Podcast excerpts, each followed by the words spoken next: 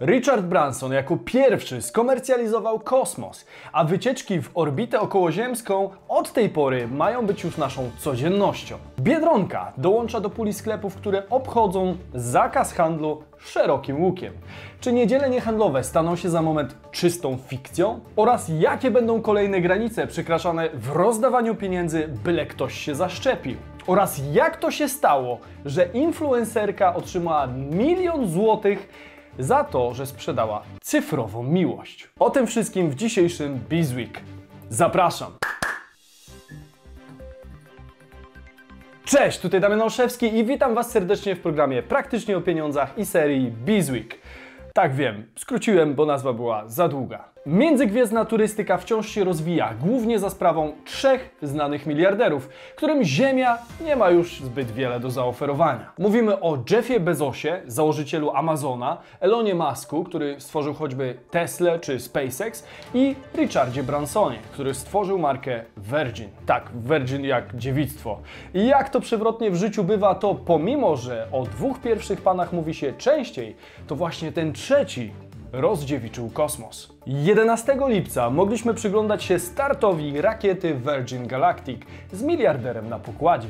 Następnie Branson wraz z innymi członkami załogi lewitowali sobie w przestrzeni suborbitalnej, dokonując tym samym pewnego przełomu. Turystyka zyskała oficjalnie nowy kierunek. Kosmos się komercjalizuje. Od teraz każdy, kto jest w stanie zapłacić bagatela 250 tysięcy dolarów za tych kilka chwil uniesienia, może przyglądać się Ziemi i gwiazdom z kabiny statku kosmicznego. Stwierdzenie patrzeć na kogoś z góry nabiera teraz zupełnie nowego znaczenia. Czy to dużo za taką wycieczkę? Czy ja wiem? To niecały milion złotych i dla pewnej grupy osób będzie to mniejszy wydatek niż wycieczka nad Bałtyk dla przeciętnego Kowalskiego. Wystarczy zresztą przyjrzeć się liście przyszłych pasażerów, na której znajdują się choćby Tom Hanks, Lady Gaga czy Justin Bieber. Co ciekawe, bilet zakupił też Elon Musk, więc albo szykuje się kosmiczny networking miliarderów, albo Elon wybiera się na przeszpiegi. Wiadomo już o sprzedaży ponad 600 biletów, co przełoży się na ponad 150 milionów dolarów przychodu. Wygląda na całkiem dobry początek, a Branson i Virgin Galactic zapowiadają, że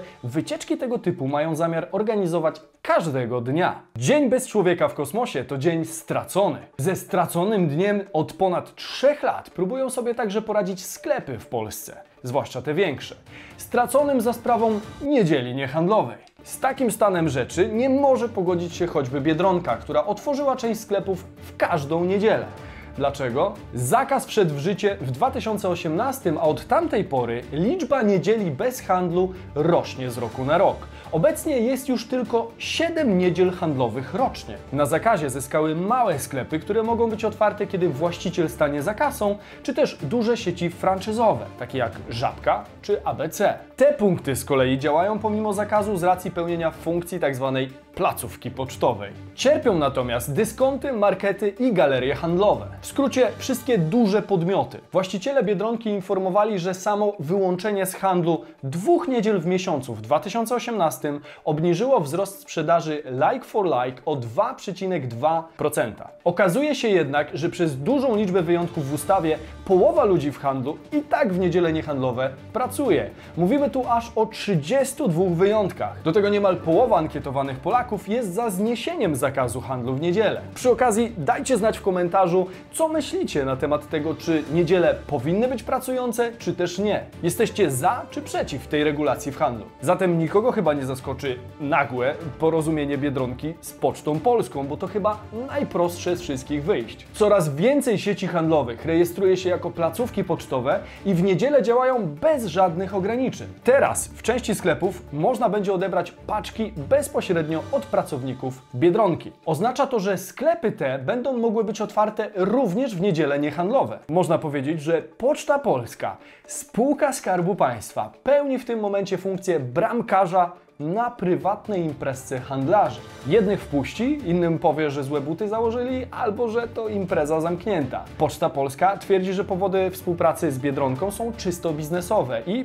okej, ja to rozumiem. Rynek e-commerce w Polsce rozwija się niezwykle dynamicznie, a Poczta Polska walczy na tym froncie choćby z impostem. Ale hej, skoro kluczowym czynnikiem rozwoju dla Poczty Polskiej jest zwiększenie liczby punktów odbioru paczek, to zakaz handlu w niedzielę za chwilę stanie się fikcją. Poczta Polska będzie przecież chciała współpracować w ten sposób z każdym większym graczem sieciowym, u którego można zostawić paczkę. Powierzchnia magazynowa wobec wzrostu ilości zleceń zamawianych przez internet jest teraz na wagę złota. Karta przetargowa do tego typu układu jest dość intratna. Ty zapewniasz nam kilka czy kilka tysięcy dodatkowych punktów odbioru, a my tobie utarg z niedzieli niehandlowych. Także możemy się już przygotować do tłumaczenia tego z znajomym z zagranicy. Wiesz, bo my w Polsce mamy taki przepis, że w niedzielę nie handlujemy. No, może poza małymi wyjątkami. Jak Biedronka, Żabka, ABC, Dino, Lidl, Groszek, Lewiatan, Carrefour, Kaufland, Intermarsze, Polomarket czy wszystkie stacje paliw. No ale to się nie liczy, bo to są placówki pocztowe. Aha, okej. Okay. Ktoś padł jednak na pomysł, że można by tak pozwolić placówkom pocztowym na działalność, tylko pod warunkiem, że ten rodzaj działalności będzie dominujący. Brawo! Szkoda, że nikt na to nie wpadł 3 lata temu, otwierając lukę w prawie. Zakładam jednak, że do żadnych zmian nie dojdzie, bo z perspektywy biznesowej dla Poczty Polskiej i Orlenu te wyjątki to strzał w dziesiątkę. Nie potrzeba żadnej reklamy. Partnerzy biznesowi zaczęli odzywać się sami. Natomiast co potrzebuje reklamy i to w znaczącym stopniu to szczepienia. Trwa masowa kampania na zasadzie kija i marchewki, a coraz większe pieniądze wydawane są na przekonanie ludzi do zaszczepienia się. Rząd płaci niemałe pieniądze influencerom za promowanie szczepień.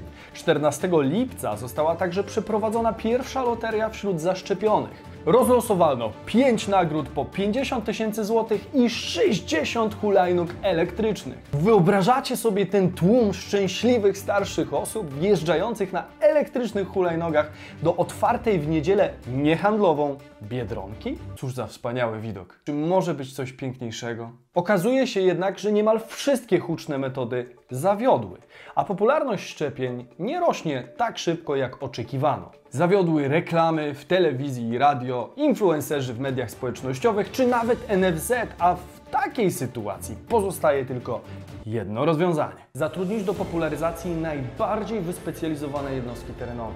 Połączenie komandosa z samurajem. Ostatnią kartę z rękawa nadziei na normalność. Koła gospodyń wiejskich. Tak jest. Koła gospodyń wiejskich mają dostać dość spore dofinansowanie za organizację bezpłatnych wydarzeń w zakresie dostępności do szczepień. Innymi słowy, mają przekonywać do zaszczepienia się. Za zrealizowanie jednej takiej akcji można otrzymać 8 tysięcy złotych. Wystarczy przeprowadzić kampanię informacyjną, zapewnić możliwość szczepienia przez co najmniej 5 godzin i zapewnić szczepienie drugą dawką, jeśli trzeba. Na koniec składamy sprawozdanie i kaczyng. Gospodynie będą teraz trochę na prowizji od sprzedaży, bo za każdą zaszczepioną głowę dostaną też premię. 15 zł za osoby do 60 roku życia i 30 zł za te powyżej 60. Zaczyna się więc polowanie na czarownicę. Do organizacji tego typu akcji dołączono też Ochotniczą Straż Pożarną. Budżet na ten cel wynosi 40 milionów złotych. Koło gospodyń, które wykaże się największą liczbą zaszczepionych, otrzyma również 100 tysięcy złotych ekstra premii. 50 tysięcy złotych dają za drugie i trzecie miejsce, 25 tysięcy złotych w przypadku miejsc od czwartego do dziesiątego, 10 tysięcy złotych w przypadku miejsc od 11 do setnego i symboliczne 1000 złotych od miejsc 101 do 1000. Jak tak czytałem na ten temat, to pomyślałem sobie, kurde, ile jest tych kół gospodyń wiejskich w Polsce? I okazuje się, że to jest naprawdę spora siła rażenia. Mamy ich w Polsce ponad 9 tysięcy. Po mojej publikacji na ten temat na Instagramie niektóre panie już teraz wyraziły dezaprobatę dla tego typu pomysłu. Czy zatem będzie to kolejna nietrafiona próba i pieniądze wyrzucone w błoto? Zobaczymy, ale świat widział już ciekawsze przykłady konsumenckiego wariactwa. Jeśli myśleliście, że sprzedaż niewidzialnej rzeźby, którą zresztą mam przed sobą, za dziesiątki tysięcy euro to już kosmos, to co powiecie na to? Polska influencerka Marty Renty sprzedała za 250 tysięcy dolarów, czyli blisko milion złotych, swoją cyfrową miłość w postaci tokena NFT. Jak widać, w dzisiejszych czasach wszystko da się sprzedać. Jak czytamy na jej stronie, nabywca jedynego miłosnego NFT Marty Renty będzie miał pełne prawo do jej cyfrowej miłości. Co więcej, zostanie zaproszony na wspólną kolację z Martą Rentel w świecie fizycznym. Czy serce podąży za radą technologii? Rozumiecie to? Ktoś zapłacił prawie milion złotych za randkę z Martą i jej cyfrową miłość, cokolwiek to oznacza. Jak to się mówi, kto bogatemu zabroni. Ale co to właściwie jest ten cały NFT i te tokeny?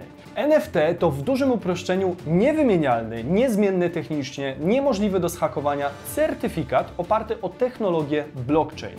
To, żeś kuźwa pomógł, Damian. To taki cyfrowy certyfikat posiadania czegoś, którego nie da się sfałszować. Tokeny ułatwiły sprzedaż niestandardowych przedmiotów, takich jak plik, obrazek, GIF, mem, tweet, ale i filmiki czy piosenki. Często sprzedawany przedmiot jest unikalny i może posiadać dla kogoś wartość kolekcjonerską. Wartość tokenu jest dość subiektywna i ciężko powiedzieć, czy gdyby ktoś chciał go w przyszłości odsprzedać, to jego wartość dla reszty rynku nie będzie dużo niższa albo dużo wyższa. Sporo zależy od jego przyszłej unikalności, bo autor może w zasadzie stworzyć mnóstwo podobnych tokenów, albo wręcz parę takich samych, jeżeli nie setki takich samych.